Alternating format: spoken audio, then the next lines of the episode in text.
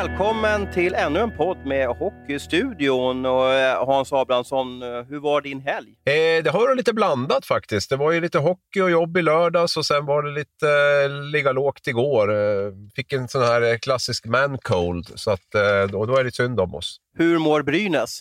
Du eh, bor ju i Gävle och du ser deras matcher och Brynäs är det laget som jag märker att aj, aj, aj, de studsar ju inte igång. Nej, det är som en sån där gammal repig LP-skiva som liksom eh, upprepas gång på gång. Det har ju varit, eh, det är ju, jag vet inte om man ska liksom skratta eller gråta egentligen. Det är ju fjärde hösten i rad nu som det, som det är kris här på något sätt. De tre tidigare åren har man, har man sparkat tränaren och det har varit turbulent som 17 och nu förväntade man sig väl kanske inga stordåd, men ändå en hyggligt stabil höst. Sådär. Och, men eh, det har ju blivit snudd på värre än, än någonsin. Vi fick ju en eh, läsarfråga ehm, eh, och det var en läsare som undrar, ge mig en målvakt, en forward, en back som Brynäs måste ta in för att vända på det här.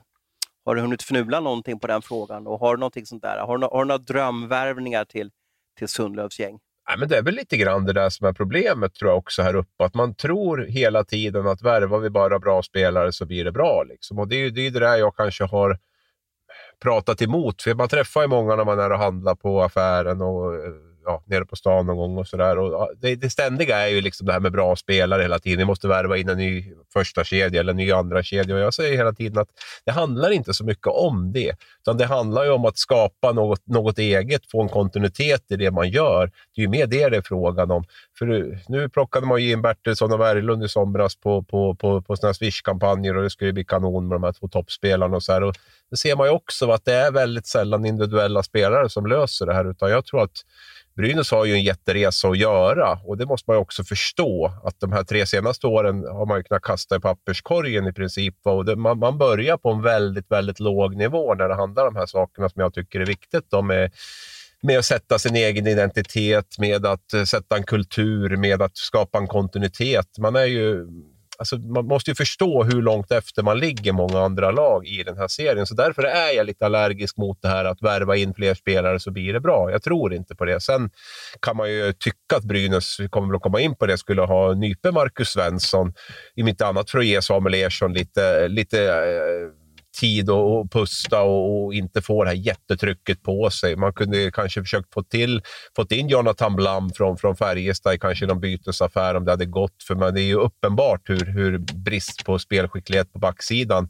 man blir straffad där. Nu har man ju inte ens koll på defensiven med, med backsidan, trots att man egentligen bara har defensiva backar. Men, men offensivt har man ju egentligen ingen som, eh, som kan skapa lugn med, med pucken och även vara en det som är så viktigt idag, att kunna fylla på i anfallen och dessutom kunna hantera pucken när man fyller på i anfallen. Så det, det, är ju två namn som man naturligtvis skulle kunna plocka in. Men Brynäs lag på pappret och framförallt sett till spelarbudgetkostnaden är ju fullt på höjd med, med vad det ska vara. Så jag tycker man måste jobba med det materialet man har till stor del.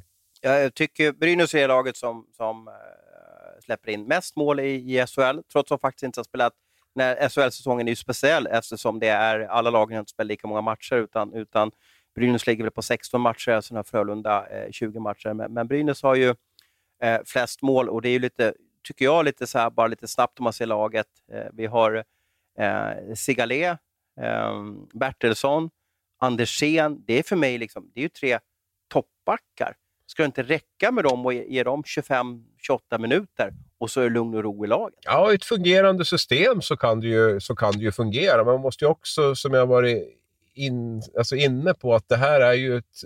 Man, är ju in, man, man får ju hit ny tränare nu igen och man ska göra om väldigt mycket i spelet. Man märker att det finns ju mycket funderingar runt spelarna. Hur ska vi agera?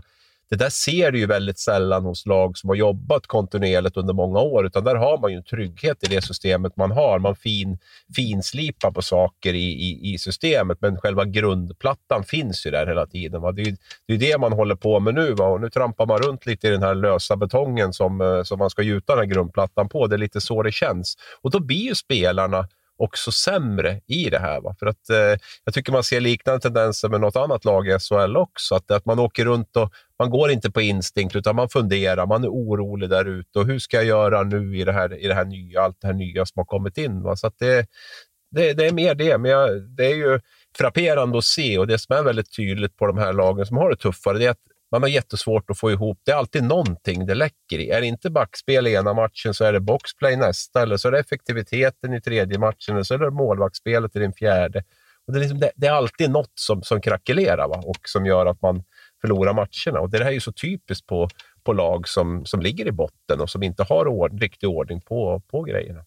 Du var inne på eh, en av de större nyheterna Eh, under måndagen. På måndagsförmiddagen så skickade HV71 ut ett pressmeddelande och det är att den rutinerade målvakten Marcus Svensson, eh, känd från bland annat Färjestad, eh, är klar för HV71. Han, eh, hans kontrakt gäller fram till och med den 9 januari. Eh, och Det här är ju på grund av, av att Hugo Alnefelt eh, kommer spela JVM truppen tas ut den här veckan. Eh, hur ser du på den här förändringen? Eh, eller nyförvärvet till HV71? Det är väl ett bra sätt att, att uh, täcka upp målvaktssidan på. Jag vet att Marcus Svensson, du vet väldigt mycket vad du får. Väldigt, väldigt bra person att få in i ett omklädningsrum. En väldigt seriös målvakt. Han har passerat sin peak, det ska vi ha klart för oss. Men, men som en backup till Jonas Gunnarsson så är det ju är det ju optimalt. Jag vet väl dessutom, i och med att jag hållit på lite grann med att han var aktuell för Brynäs, så vet jag att han är inte jättedyr heller. Det är väldigt få spelare som är jättedyra just nu, så att han, han kommer dit till en, till en rimlig peng och KV vet ganska exakt vad man får. Så det är, väl, det är ju en, en smart värvning, tycker jag. Jag minns ju honom från några fina år uppe i eh, Skellefteå. Eh, och då berättade han för mig att han åkte ut till en sjön som heter Trollsjön där ute. Eh, Eh, för att hitta sin idyllen. Trollsjön, det var, eh, jag tror det var en sjö utanför eh, norr om Skellefteå. Någonting. Och där satt han och, och mediterade och tränade på mindfulness. Nu vet jag inte om han har någon bra sjö att åka till. Ja, det skulle vara Vättern kanske han ska ut och, och, och titta på. Men en, en, en skön typ som är väldigt långt ifrån det här vanliga klassiska hockeygrabben. Eh, det finns ett djup i honom som är väldigt speciellt. Så att de får in en fin kille i omklädningsrummen. Han jobbar bland annat med Anders Svärd, då, mental coach där, för att hitta, hitta en trygghet i sig själv som människa och trygghet i sig själv som, som eh, målvakt. Men du, kommer inte han ta in, vill gå in i det här laget och bli första keeper?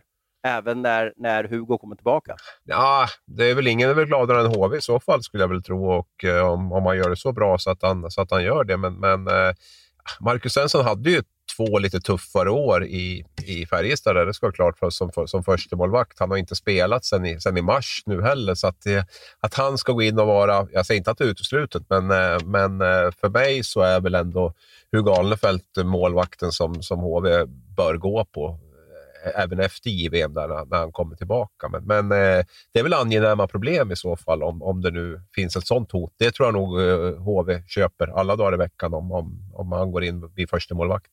En annan förändring i eh, hockeyn den här veckan eh, det är att Thomas Kollard går in och förstärker Malmös bås. Vad får det för, för påverkan och inverkan på Malmö? Eh, Malmö är ju ett lag också som har haft det väldigt tufft. De ligger sist i SHL. Nu är tabellen väldigt skev. Som sagt var, de har 17 matcher, har 14 poäng. ledde mot Leksand i lördags, men Masarna vände och vann där i en så kallad sexpoängsmatch. Då. Eh, vad tror du Kollar kan eh, eh, få för injektion i Malmö? Jag kan kolla alldeles för dåligt för att säga det, men rent generellt så tycker jag väl att man bör vara tre coacher i ett, i ett SHL-bås idag. Och nu valde ju Malmö, var väl inför matchen mot Örebro, tror jag, för någon veckor sedan här och, och flytta upp Jesper Mattsson då på, på, på läktaren. Eh, den eh, normalt sett offensiva coachen i, i det där, som hade om det offensiva spelet. Då. Ehm, och eh, sen dess har man väl varit två då. Och då har du Andreas Lilja också som är helt oprövad på, på SHL-nivå och Fagervall som har haft ett SHL-jobb tidigare. Så att, eh, det är klart att eh, det här är väl en, man vill väl få in, få in eh, en röst till där nere, en, eh, två ögon till i, i båset och det tycker jag man, att man ska vara också. Så det är väl det är väl eh, Malmös sätt att med, med små medel göra en förändring i tränarstaben. Det är uppenbart att man inte riktigt har varit nöjd med, med kemin där tidigare. Då. Kollar eh, som hockeyspelare, han hade ju en fin karriär, stod för väldigt mycket energi, eh, gillades tackla på isen.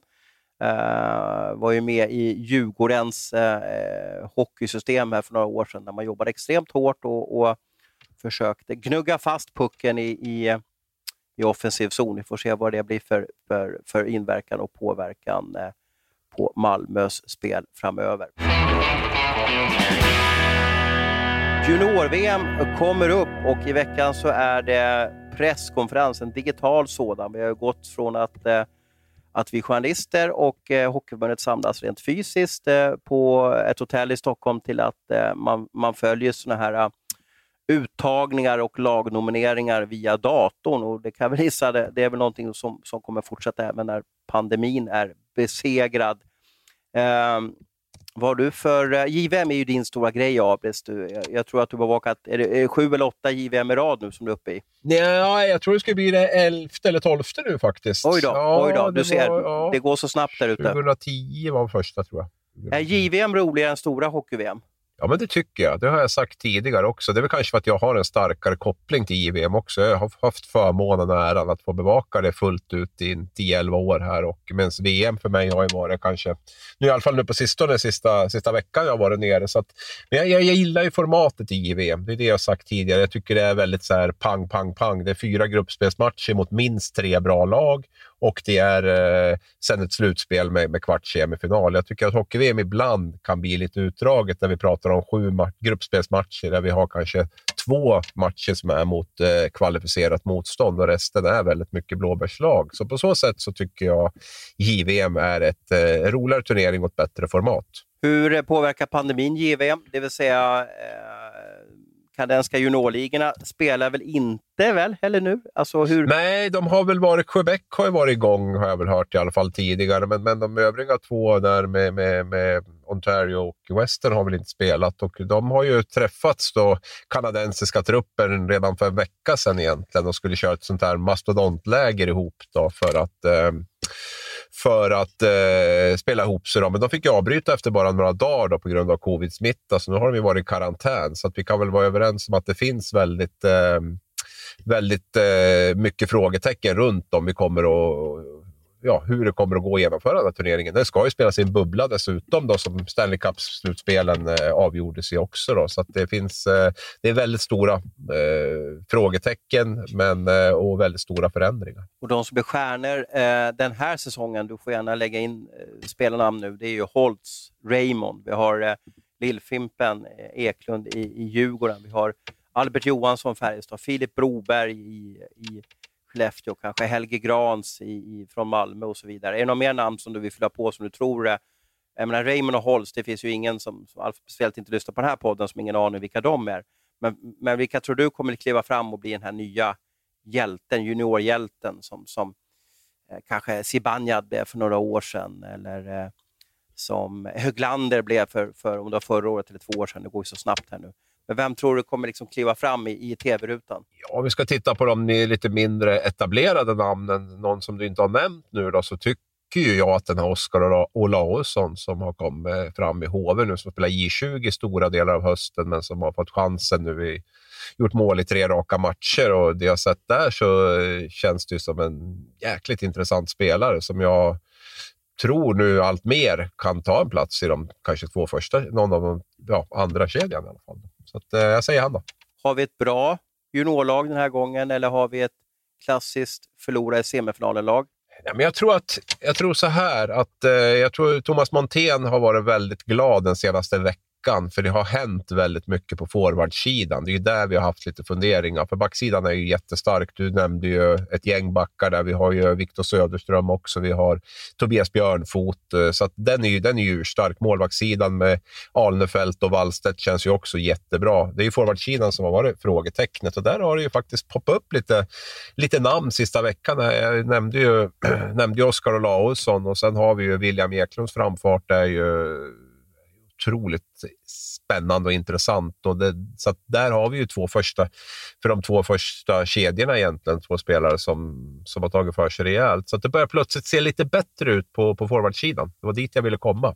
Vi ska också ha klart för oss det att alla lag kommer ju att ha sina bästa spelare i princip med. Och det jag tycker det gynnar väl inte oss på det sättet. Kanada kommer med största sannolikhet att, att ha alla sina spelare med i och med att NHL inte spelar. Lika med, med Ryssland, USA inte minst där också. Så att det kommer att bli en grymt tuff eh, turnering och vi har ju en tendens också kanske att överskatta de här prestationerna i SHL och tänker att bara för att de är grymma i SHL så kommer de att tokdominera i JVM. Och så riktigt så enkelt är det inte. För jag har, har tryckt på det där tidigare. Det är en enormt hög nivå på ett JVM normalt sett och i år när alla kommer att vara med med största sannolikhet så kommer den att vara grymt hög.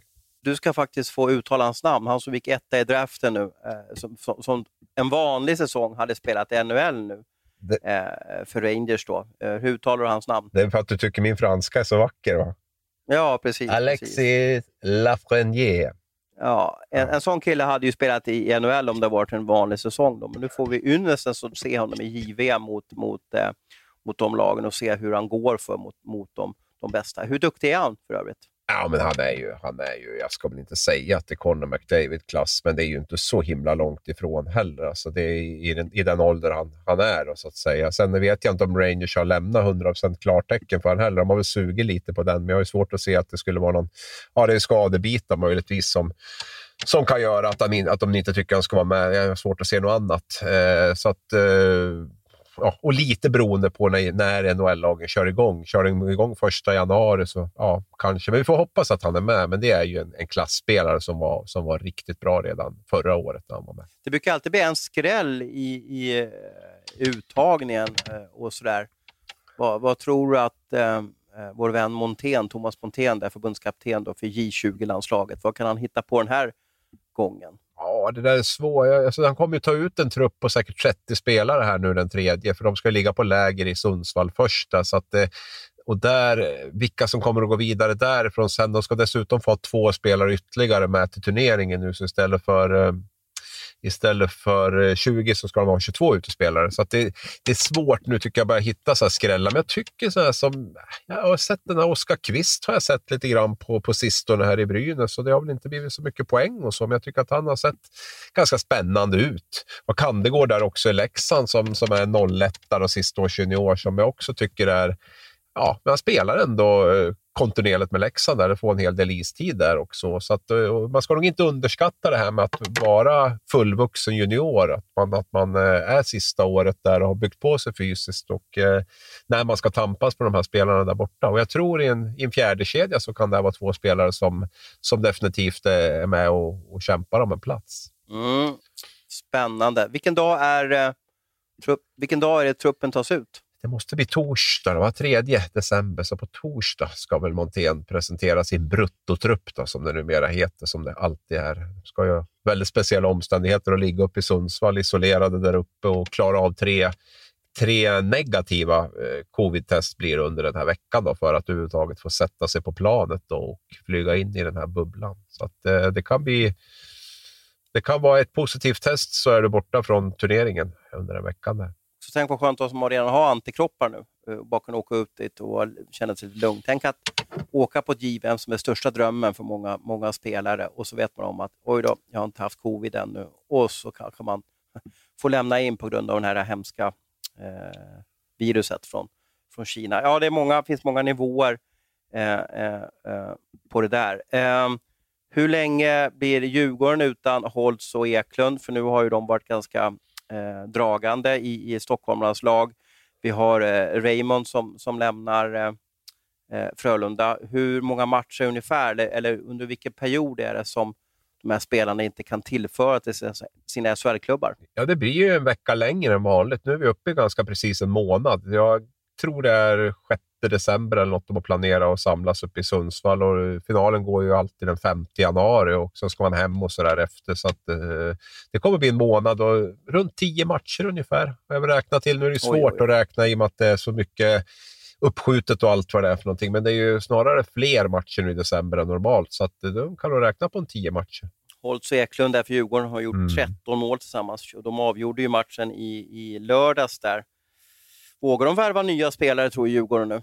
Ja, vågar de inte kan man ju också vända frågan till. Det är, nu har Djurgården vunnit tre raka och det tror jag väl påverkar en hel del, att man har fått lite luft upp, upp ner till strecket där. Ehm, så att det, det, kan väl göra att man sitter lite lugnare. Anton Hedman såg jag tränade i alla fall på is nu senast, där kanske på väg tillbaka. Plus att man har ju fått in Brett Rakhshani här nu snart. Man har ju plockat in Dominic Boxen tidigare, så man har ju fyllt upp lite grann i alla fall. Ehm, men det, det, är väl möjligt att man, eh, Dick Axelsson ska väl komma tillbaka tillbaka. Josefsson kommer väl tillbaka också där när de försvinner bort. Så att, eh, nej, jag tror att de eh, ligger lite lågt. Man har ju också en bra juniorverksamhet där under Djurgården, så jag tror väl snarare kanske att man tittar lite grann på, på eventuellt plocka upp någon därifrån, då, om nu Dick och Josefsson och de här kommer tillbaka. Greve körde nio minuter, 9.52 mm. eh, mot Frölunda. Har han chans att komma med i JVM-truppen? Ja, han har en chans att komma med. Sen har väl han aldrig varit någon Montén-favorit som jag har känt. Liksom sådär. Så att, eh, jag, jag har honom med i min trupp för jag tycker att han ändå har en, en roll i en fjärde kedja och lite attityd och, och sådär och backar inte för någon så, så kan jag tycka att han, eh, att han fyller en funktion. Men eh, jag är inte helt hundra på att eh, ja, nu kommer han väl med i den första truppen naturligtvis. Det gör väl nästan alla, höll jag på att säga. Men, men, eh, men sen om man går hela vägen får vi väl, får vi väl se. Då. Det beror väl på vad Montén tycker. Det är väl Linol Gunler och Greve känns väl som att det är så här, mm, kantbollar när det gäller förbundskaptenens förtroende. Kan Gunlers klubbyte ha gjort att han fick den sista knuffen och kommer med i, i truppen? Eller, eller tror du Montén har den här känslan att nej, men det känns som att Montén Gunler inte är kompatibla riktigt. Nej, men lite sådär. Jag vill kanske, nu har väl inte Montén haft så många chanser då förra året, där, men även i, i J18-landslaget där med, med Hävelidarna så var ju Gunler sidsteppad. Och det handlar nog mycket om att tycker man att han är tillräckligt bra för de två första kedjorna och powerplay, då ska han väl vara med. Eh, men som konkurrensen ser ut nu med, med en Oskar, Oskar Olausson som poppar upp och Eklund som går som tåget och sådär så, så börjar det bli ganska trångt där. Så jag, jag, jag, tror, jag tror att han kommer med på, på 22 utespelare, det tror jag. Men eh, jag är inte helt säker. Vad tycker du är den största eh, wow-känslan över eh, svensk hockey just nu? Uh, är det Frölundas debacle, att de inte riktigt får ihop det? Är det Timrås 11 raka segrar i, i Hockeyallsvenskan? Är det Väsbys seger över, över Björklöven? Eh, eller vad har du för något? Vad är det du tycker är mest wow-känsla över, över svensk hockey just nu?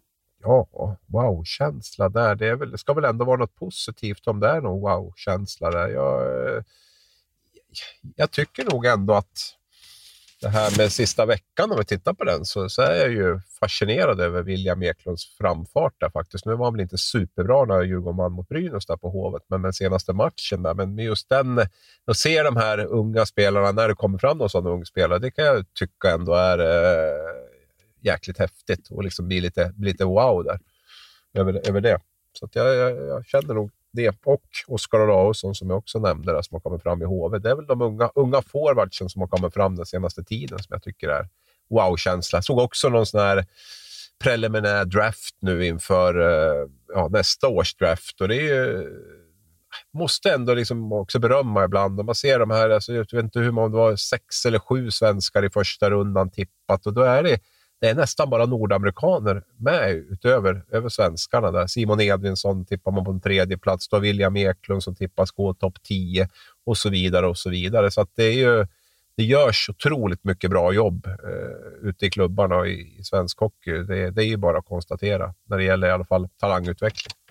När jag kikar lite på, på, på SHL, nu leder ju fortfarande Frölunda eh, tabellen och det är på grund av att en, en eh, den haltar ju lite. Örebro är, är tvåa på 18 matcher. Frölunda har 20 matcher. Örebro har ju dragit i handbromsen på grund av covid eh, och de trampar väl igång här på, på lördag igen om jag, om jag eh, eh, minns rätt. Då.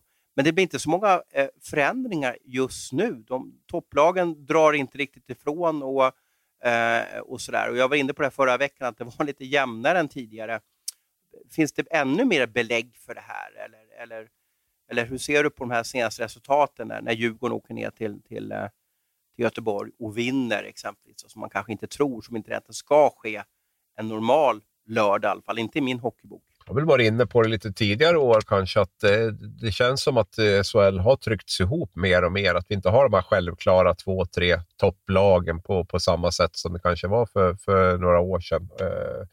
Så att det, det förstärker väl den trenden. Sen tror jag att det här ryckiga spelprogrammet och problemen med covid och kunna träna ordentligt, det har ju liksom stört rytmen för, för alla lag på något sätt. Och det tror jag också bidrar till att det blir lite mer chansartat eh, vilka som vinner matcher och i vilken form man är i och vilket lag man kan ställa upp med och sånt där, vilket gör att det, att det är väldigt svårt att få någon grepp och någon struktur riktigt på tabellen. Precis som du är inne på, tycker jag också lite grann. att det, det, det svajar lite, lite här och lite där. Det är väl Rögle egentligen som har, som har haft den största stabiliteten. Nu är vi osäkra på vad de står efter en fyra, fem inställda matcher eller uppskjutna matcher. Så det, det, det, är, det är lite hela havet stormar där ute. Det, det tycker jag också.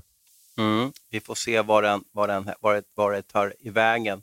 Vi hoppas nu i alla fall. Det senaste laget var ju Örebro som, som drabbades av, av covid.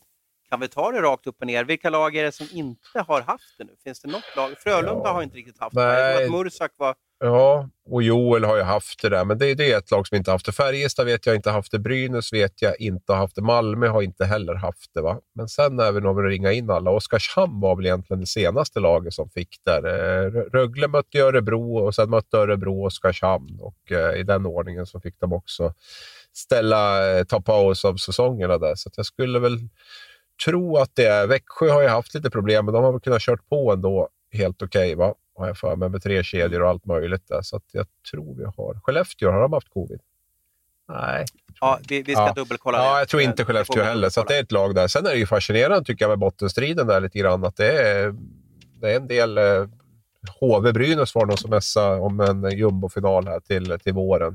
Eh, det är väl, sett till senaste veckorna så är det ju de två lagen som, som man är mest fundersam på ihop med Malmö. Då. Men eh, vi har också lärt oss att eh, det är väldigt mycket kvar att spela än. Det är två tredjedelar åtminstone kvar för de här lagen. Så att, eh, vi får väl avvakta och se.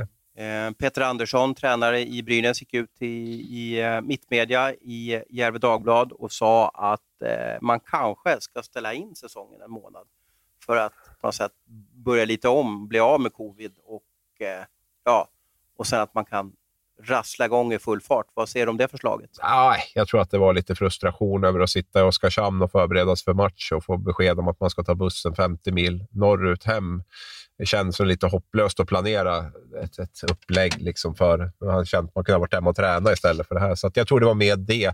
det är ju ingen, vi vet ju inte om det är något bättre i januari. Det kan ju vara ännu sämre. Och jag menar, det, är ju, det är ju redan svårt att få ihop spelschemat här, så jag, jag är inte så eh, jag in, tror inte så jättemycket på det om jag ska vara helt ärlig. Just för att vi vet inte. Visste man att ställ in, ta paus två veckor så blir det mycket bättre, ja då har man väl kunnat gjort det. Men, men det är ju det vi inte riktigt vet. Och eh, det viktigaste är ju, som jag var inne på, det är att spela klart grundserien och få ut eh, de tv-pengar som man kan få, för det är ju den enda inkomstkällan som finns just nu. Då. Eh, och det, eh, det måste man se till att göra till, till i stort sett vilket pris som helst, så länge det inte äventyrar hela samhället. Och då har vi den stora glädjen att hälsa veterandomaren ja, jag måste nog kalla Morgan Johansson för veterandomare, in i poddvärmen. Hur mår du Morgan? Jag mår eh, jättebra. Hur mår ni? Jo, men det är väl eh, det är en sån här fråga som eh, en vanlig måndagsförmiddag i slutet av november så säger man jo tack, det är väl bra. Men en djupare fråga så är det ju speciella omständigheter där ute. Eh, och jag bollar väl tillbaka. Hur är det att vara hockeydomare och, och under den här pandemin? Nej, men jag kan väl säga det att det är väldigt speciellt för oss domare också. Eh, försöker väl göra mm, alltså bästa situationen eh, av eh, hur det, det inte ser ut nu. Vi har ju Eh, det är samma sak för oss som för spelare, ledare och allting. Att det är jäkligt tråkigt att eh, det inte får vara någon publik på, på matcherna. Men eh, läget är ju som det är och vi får ju ta vårt ansvar eh, fullt ut också. Så att, men eh, det är inte som vanligt. Eh, så det inte Jo, är det några i eh, domarkåren som har drabbats av, av corona? Vi har sett det i hockeylagen, vi har sett på kanslierna. Men jag har inte noterat att det har varit någon domare som har blivit sjuk. Har ni varit förskonade mot det här? Nej, vi är väl som övriga. Att vi, vi har några stycken som har haft det. Vi hade faktiskt ett par, tre stycken som hade det väldigt tidigt. Ehm, och eh, sen så har vi... Eh, det har varit några, några stycken men vi har väl flugit lite under radarn. Eh, så vi har, vi, vi byter och vi fixar så mycket som möjligt. Sen har vi ju haft lite inställda matcher och så. Så att jag tror att eh, vi kommer väl att få det tuffare framöver kanske. Mm, när det blir lite mera matcher nu eh, som har blivit uppskjutna som vi ska försöka få, få med in i spelprogrammet. Men eh, vi försöker lösa det på, på bästa situation. Men några stycken är det som har haft corona.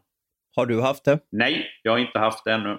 Varför vi har med dig i den här podden det är för att domare berör alltid. Eh, domarbedömningar berör, situationsrummet berör och tacklingar berör. Och du är också ledare för ett projekt i svensk hockey som har pågått ett tag. Kan du berätta lite mer om det? Ja, vi har ett projekt som heter Nollvision i svensk hockey. Eh, och det är ju ett projekt som eh, Eh, ska försöka förebygga, hitta lösningar för att vi ska få bort eh, hjärnskakningsproblematiken inom svensk hockey. Och projektet sträcker sig egentligen från Tre Kronor Hockeyskola, alltså från de allra yngsta upp till SHL-nivå. Eh, och där är ju tjejerna inkluderade också, en viktig del. Eh, och eh, det här projektet har pågått sedan 2019, februari. Ehm, så vi har hållit på med det ett tag nu, eh, ett och ett halvt år ungefär. Eh, och det är ett väldigt spännande projekt och jag är då projektledare för detta projektet. Eh, vad är, när ni har nått i mål, eller i alla fall kommit en bra bit på vägen, kan man dra en slutsats att då vill vi inte ha några hjärnskakningar i ja, nästan samtliga ligor i svensk hockey. Då. Men, men vi bevakar ju mestadels SHL, Hockeyallsvenskan, SDHL och bitvis eh, Hockeyettan. När du kan luta tillbaka din fåtölj och vara nöjd, vilken typ av hockey har vi då i våra högsta serier? Nej, men givetvis så ska vi ha en eh, fartfylld och vi ska ha en tuff eh, hockey eh, som, som alla betraktare gillar. Eh, och eh, sen är det ju då om vi kan hitta lösningar och hjälpas åt med de här sakerna så vi slipper hjärnskakningsproblematiken. Eh, för det är ju eh, ett stort problem eh, och det hotar ju även, eh, även för nyrekrytering. Eh, det är ju en stor del i den biten också så att vi kan rekrytera spelare till vår, vår kära, kära nationalsport. Ehm, så att, men eh, kan vi hitta en lösning på att eh, ha alla de här ingredienserna med utan hjärnskakningsproblematiken så då kan jag luta mig tillbaka och, i min fåtölj, som du säger. Vi hade ju en tackling här i hyfsat eh, närtid. Jag tänker på Emil Larssons eh, smäll på Oskarsund här i mittzonen för, ja, det är väl nio dagar sedan. Um, hur ser du på den? Och hur ser du på det straff som utdelades? Nej, men jag, eh, jag vill egentligen inte kommentera specifika händelser så, men om man tittar på den den eh, tacklingen så vill jag bara säga att det är jäkligt, en jäkligt olycklig utgång på den. Eh, och eh, sen så tror jag att, eh, att vi får vi lär oss mycket av de här situationerna eh, också. Eh, man pratar ju mycket respekt och jag tror att det är en stor del i eh, lösningen kring det här. Det är respekten. Eh, och eh, ju mer vi pratar om det här, det ser vi också nu eh, att eh, problematiken kring hjärnskakningar har, är en positiv trend. Vi har en positiv trend på det. Vi har en nedgång på det. Ehm, och tittar man från 2018 19 eh, när vi började mäta hjärnskakningar, eller när jag klev in i projektet och började mäta hjärnskakningarna så hade vi i dagens datum så hade vi 28 hjärnskakningar, eh, 18-19. 19-20 hade vi 25. Och till dagens datum har vi 12 stycken rapporterade hjärnskakningar. Eh, så jag tror att attityden och respekten mot varandra, eh, och det märker jag där ute också, den är helt annorlunda. Eh, man, man vill inte ha det här. Eh, så att eh, det är positivt i sig. Kan vi få en hockey utan eh, hjärnskakningar, Abris? Eh, ja, det kan vi nog få. Eh, någon kommer väl alltid eh, att inträffa naturligtvis, men i stort sett så kan man säkert få bort dem. Den, den stora frågan för mig är ju, är ju det här med eh, open ice-tacklingar eller tacklingar på öppen is. Då, om, vi, om vi ska ha dem kvar eller inte. Det är väl den stora knäckfrågan tycker jag. Och ska vi ha dem kvar så följer det med lite, lite följdfrågor i, i den då, med, med allt från puckförarens ansvar, respekt som Morgan talar om. Jag tycker att det handlar om respekt från två håll. Jag tycker det handlar om dels den som tacklar men även den som är, är, är puckförare. Att han också måste visa respekt mot att det är en, en ganska eh, farlig sport där ute om hockey om inte, om inte alla tar sitt ansvar. Så att, eh, det, där skulle jag vilja ställa frågan till Morgan. Tror du att vi har open ice-tacklingar kvar om tre eller fem år? Jag kan ju säga det, jag har ju jag har rätt mycket statistik på eh, open ice-tacklingar och eh, det är en väldigt hög risk med open ice-tacklingar. Eh, och eh, den får man ju, någonstans får man ju väga det här eh, mot vartannat. Liksom. Och, eh, tittar man på statistiken eh, så är det ju så att eh, av eh, 2018-19 hade vi 72 hjärnskakningar totalt och 31 av dem är på öppen is. Då. Eh, 1920 så hade vi 54 eh, och där är det 19 som är på öppen is. I år då, fram till dagens datum, har vi ju som sagt var 12 stycken hjärnskakningar och 6 stycken är på öppen is, alltså 50 procent. Ehm, och ju fortare det går eh, och desto, desto, större risk är det att få en hjärnskakning på en open ice-tackling. Eh, sen vet jag inte riktigt om svensk hockey är, är mogen för det här. Det diskuteras ju att vi tacklas mindre också. Och den är rätt intressant för den statistiken har jag också från 2010. Eh, och statistiken visar på att vi tacklas inte alls mindre. Utan vi håller ungefär samma tacklingsantal. Vi ligger mellan 20 och 25 tacklingar per match i snitt. Eh, och det har det gjort sedan 2010. Så myten med att vi tacklas mindre i svensk hockey och SHL, den, eh, den slår jag hål på med eh, statistik.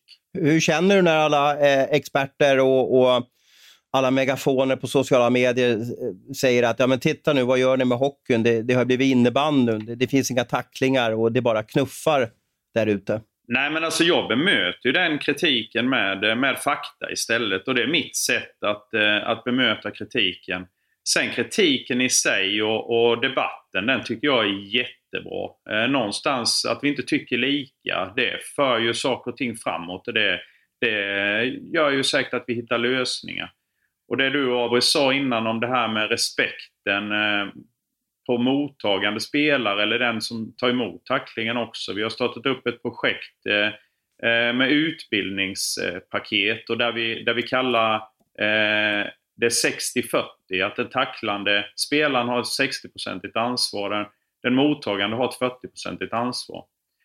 Eh, så att där är en, en utbildning som vi kör i, med hjälp av hockeykonsulenter och ute och besöker ungefär 500 besök eh, Eh, den här eh, säsongen. Eh, och det är ett stort utbildningspaket som, som riktar sig framförallt till ungdomar upp till 18 års ålder. Då. Sen har vi även då ett paket som vi ser till att alla våra NIUn, då, alltså nationella intag på hockeygym, de får till sig. Det är ju de, de spelarna som vi ska ha in i, i SHL framöver, att de får den utbildningen också. Eh, och det är också mycket riktat till att det är viktigt att man har eh, uppsikt och man är med där ute även som försvarande spelare gentemot tacklingarna. Då. Eh, sen vill jag lägga in en tredje part egentligen och det är den som slår passningarna. Där har vi också någonting vi måste börja jobba med framöver. För jag ser det varje match egentligen att visst, alltså, det slås passningar som jag kallar det ambulanspassningar och det är ju totalt livsfarligt när, när spelare vrider på huvudet och tittar bakåt eller tittar ner mot skridskorna och ska ta emot puckarna. Eh, kliver då någon upp så är det, då är det godnatt. Alltså det, så är det bara. Det är många som tycker att, att åh, domarna är, är, är, så dåliga, men det är också lite intressant att du bollar in det här att, ja men vänta nu, vilka passningar som skickas upp i, i, i mittzonen ibland, som du säger, ambulanspassning. Det är ju så här klassiskt uttryck då. Eh, kan du bara beskriva vad, hur du ser på en ambulanspassning? Man ska inte spela en passning till en spelare som inte är, alltså är, är den spelaren påbörjad attackerad. Eh, och det, det, måste man kunna läsa som spelare tycker jag. Eh, nu ger jag lite kritik till spelarna men, men någonstans är det, jag tror att det handlar mycket om utbildning. Eh, och eh, där, där måste vi hjälpas åt framöver att eh, se till så att vi, eh, vi får en bättre, bättre utbildade spelare i det, den aspekten. Eh, jag kan säga det att det hjälper egentligen inte hur bra eller dåliga vi domare är. För skadan är ju redan skedd oberoende om vi tar utvisning eller inte. Så hjärnskakningen har ju redan skett. Den sker ju i det momentet som den tacklande spelaren tacklar den mottagande eh, spelaren. Så att, oberoende om vi är dåliga eller bra så kommer vi ju inte få bort hjärnskakningarna. Det, det är ju omöjligt. För skadan är redan skedd. Uh, eh, jag, jag, vet om att du inte vill prata om Larsson-Sund-tacklingen här liksom, specifikt, men om vi tar bara den händelsen så vart det en diskussion efteråt om först eh, mediakuben, att inte vevades repriser. Och sen vart det eh, väldigt mycket åsikter efteråt om det var en korrekt tackling eller inte. Och man pratade om om det var en respektlös tackling. Man pratade lite om blindside. Kan du utbilda mig och Abris och våra lyssnare vad, eh, eh, om vi börjar direkt med mediakupen, hur får ni använda den eh, och vad, är till, vad, vad, har, vad ska arrangörer hjälpa er med för att ni ska kunna göra en bra bedömning? Och plus blindside, finns det, finns det och respektlöshet, finns det också? Om vi börjar med mediakuben då så är det på det viset att eh, man har bestämt att eh, max en repris vid större händelse. Och det här är ju en extraordinär händelse, det är en stor händelse. Eh, och då så har man sagt att max en repris ska visas på mediakuben. Men ska en repris visas då? Alltså måste arrangören, alltså hemmaklubben, visa en repris? Eller kan de välja att köra en jingel för, för Leffes korvkiosk?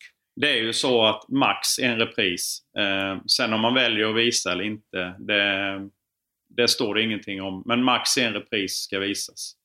Eh, så att det är regelverket för mediakuben.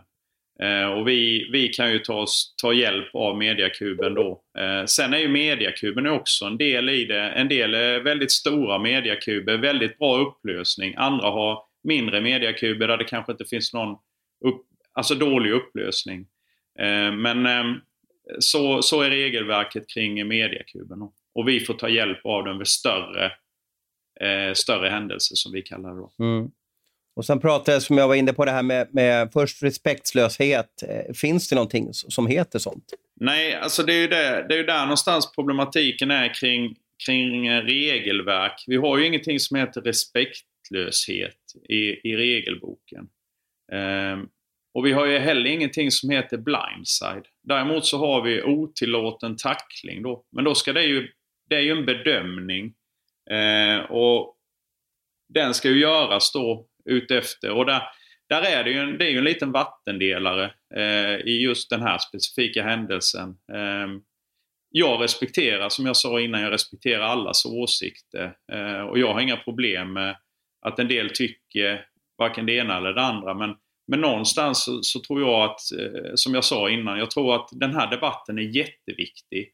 Och eh, händelsen i sig, eh, den är ju jättebeklaglig utgång och jag, jag kan bara tycka jättesynd om både Oskarsund och jag vet att Emil Larsson mår inte bra heller. Så att eh, någonstans så vi får ta med oss det här och sen så får vi göra någonting bra av det och se positivt om vi kan göra det på, på den här situationen. Varför såg så många experter eh, och åsiktsmaskiner så olika på den här tacklingen tror du? Ja, men personligen så tror jag att man lägger nog in känslor och, och, så också. Eh, jag tycker absolut inte det här, det är inga, det är inga roliga, roliga scener på något sätt. Eh, sen vet jag inte, jag, jag kan tycka att en liten, liten fördelning på tyckandet och det är nog rätt många spelare som spelade på 90-talet som jag känner det som, som har en åsikt om att det kanske inte ska vara någonting då och tycker, tycker saker om, om att vi tacklas för lite och så vidare och så vidare då. Eh, det är egentligen inte så många spelare i, som spelar i ligan idag som tycker att vi tacklas för lite. Eh, så den är rätt intressant, den att åsikterna går ju isär på de som spelade på 90-talet jämfört med de som spelar idag. Ehm, så det är också en, en aspekt i det. Jag tror att det är många av dem som, som sagt var, som spelade på 90-talet eh, som tycker att vi tacklas för lite i, i SHL idag. Jag förstår vad du beskriver. Vi har gått lite från en neandertalarmentalitet till att spela modern hockey med, med lite moral och värderingar. Och Det är väl dit som kanske hela samhället är, är på väg också. Hur ser du på den här säsongen i stort då? Nej men alltså det, som jag sa innan så har det varit en, en tråkig säsong tack vare att vi inte har fått någon, någon publik på matcherna. Och inramningen i hela, hela grejen är ju att det ska vara publik på matcherna. Det ska vara känslor. Jag vill absolut inte ta bort någonting ifrån från den, den sidan. Sen, sen för vår del så har det varit en eh, med hotbild och sådana här grejer så har det varit en väldigt, väldigt lugn säsong för vår del och det, det gör ju... Det behövde vi nog lite grann av den, den delen i alla fall för den, den vill vi ha bort ifrån ifrån vårt, eh, vår arbetsmiljö. Eh, så att eh, den, eh, den har lugnat ner sig eh, avsevärt jämfört med förra säsongen. Du blev ju till och med, om jag minns rätt här, eh, kan, man, kan man kalla det för att du blev modhotad för några år sedan? Ja, men det kan man göra, för det blev jag. Eh, så att det kan man beskriva på det viset. Och det var en väldigt tråkig händelse och den har påverkat min, min, både mig och min familj negativt. Men ja, det, det, var en tråkig händelse. Så då. Har eh, hockeyfamiljen lärt sig efter det? Eller är det bara för att det är en speciell säsong nu som gör att det är väldigt tyst där ute? Men jag tror ändå att eh, jag tror att familjen har lärt sig. Eh, och jag, jag, hoppas att de har lärt sig att det, det är ingenting som vi ska, ska ha. Eh, och vi, eh, det blir inget bättre av det någonstans, tror jag inte. Utan eh, jag tror att det är viktigt, som jag sa innan, för vår, för vår kära nationalsport så är det viktigt att vi får bort sådana här grejer. Och det, det är inte bara vi domare som är utsatta utan det är även, eh, även spelare, ledare och all, alla som jobbar runt hockeyn. Och där är jag jäkligt negativ till, till den, det sättet att agera. Så det vill jag ha bort eh, alltihop. Definitivt. Mm. Jag spelar in Abris här så att inte han somnar till. Eh, Mm. Va, vad säger du om den här domarsäsongen hittills, Abris? Ja, hej! Ja, vad kul att komma in igen. Eh, nej, men jag skulle vilja avkräva Morgan på ett svar faktiskt där om det här med open ice-tacklingar. Har vi dem kvar om, om fem år? Eller vad tror du? En spådom i alla fall om du inte kan ställa en svar. Har vi det? Eh, jag tror så här att eh, jag tror att fler och fler spelare kommer visa respekt och vi har så fåtal open ice-tacklingar i dagens hockey eh, jag kan nämna, jag var nere och tittade på junior-VM i, i, i Tjeckien. Här, och det var en riktig upplevelse faktiskt att kunna se ishockey som fartfylld och bra hockey utan att vi hade några, några tacklingar. Det var fyra tacklingar på hela, hela matchen.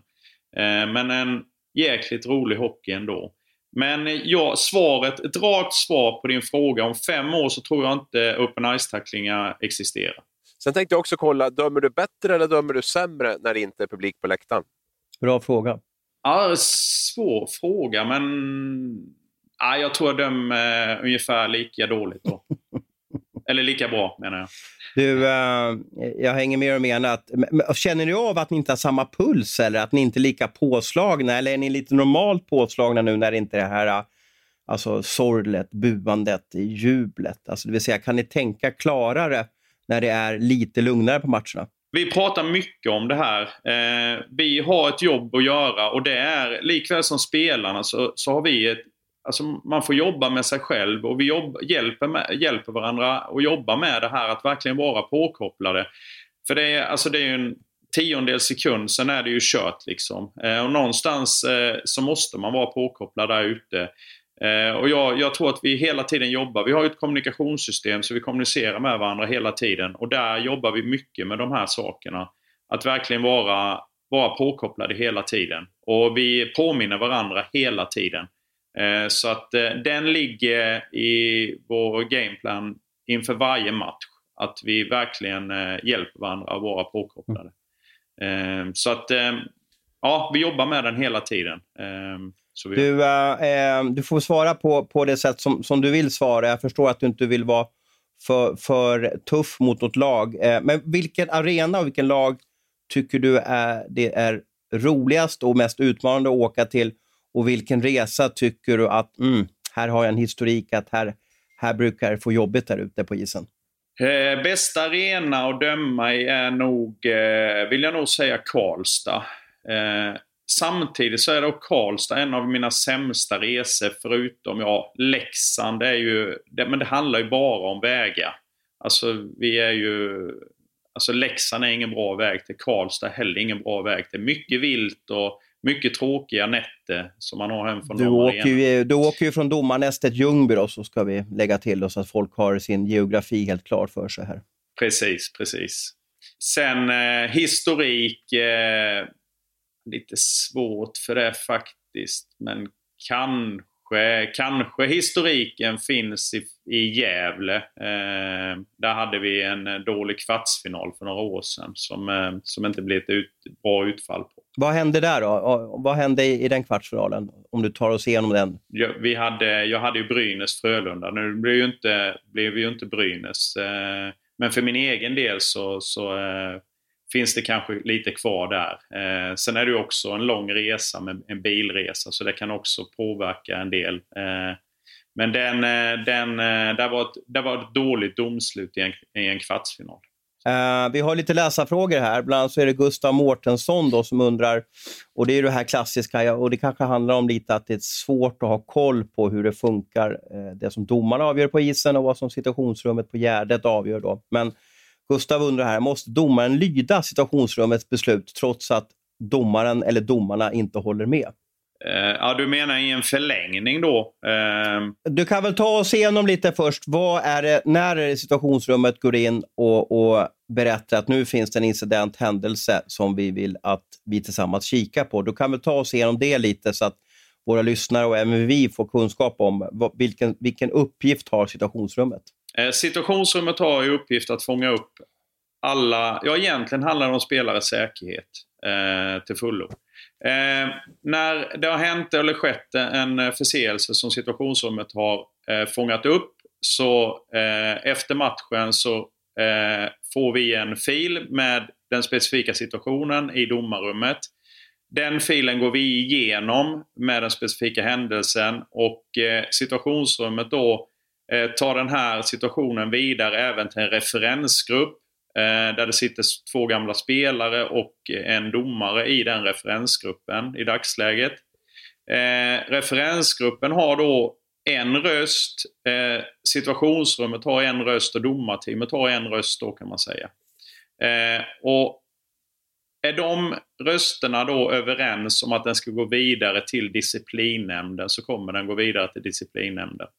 Ehm, så egentligen så är det det förfarandet man har i, i själva gången då när det gäller eh, när det gäller de här sakerna, när det gäller större händelser eller ja, spelares säkerhet.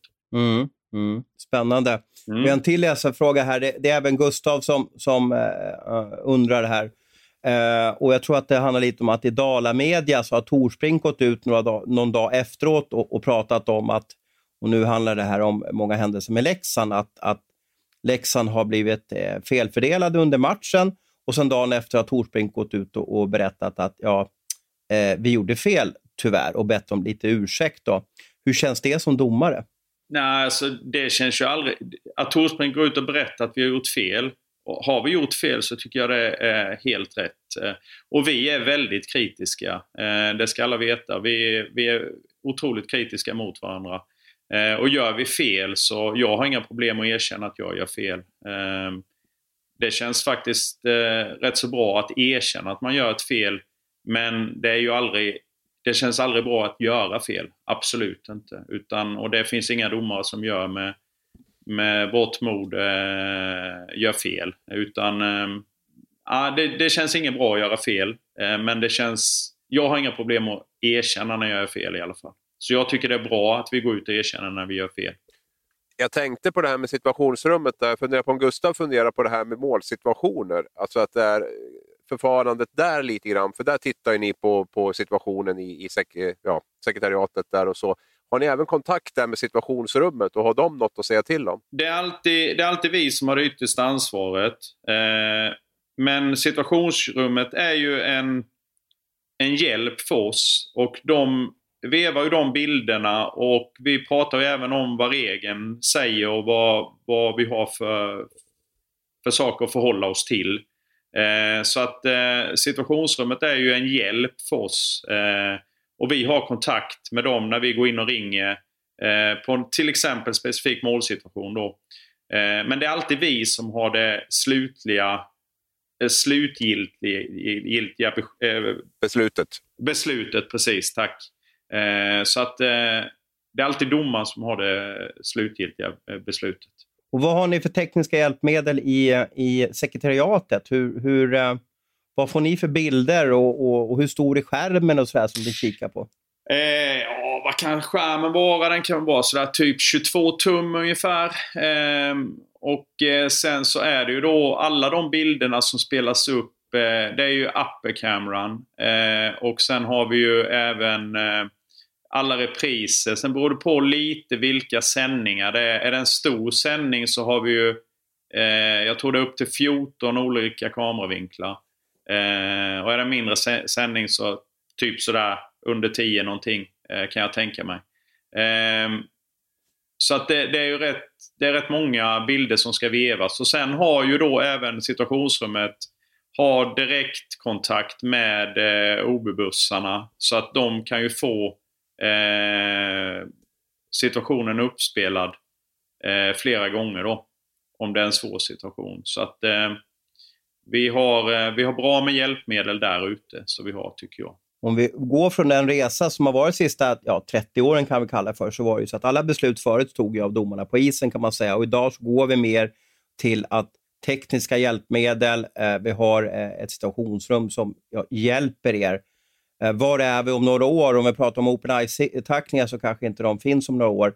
Går vi mot att storebror framför super 4K-skärmar kommer ta beslut mer och mer framöver? Eller vad tror du, dom, vad är domaryrket på väg någonstans? Jag, jag, är, jag är lite rädd för den här utvecklingen. Tittar man på fotbollen då till exempel med VAR och sådana här saker. Jag är ju inte för det här utan någonstans så tycker jag att vi ska vara lite brickor i spelet. Och i, ibland vinner man och ibland förlorar man. Alltså någonstans är det så.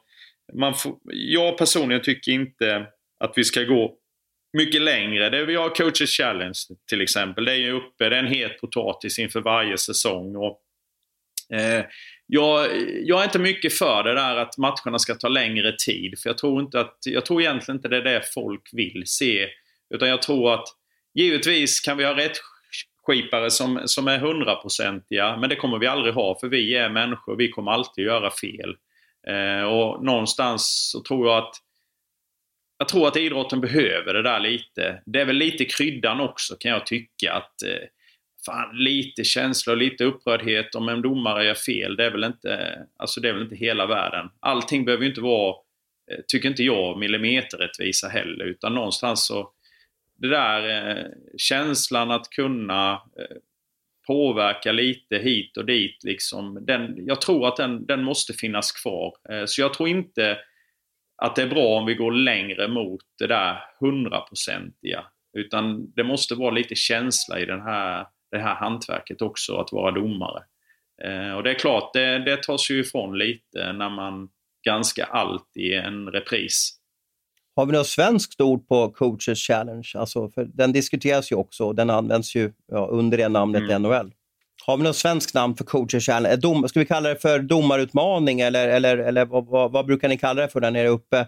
Ämnet på, på domarmötena? Vi har aldrig haft uppe något annat än vi har kallat det coacher challenge. Så att, eh, jag vet inte, men ja. domarutmaning det kan, väl vara, det kan väl vara ett namn.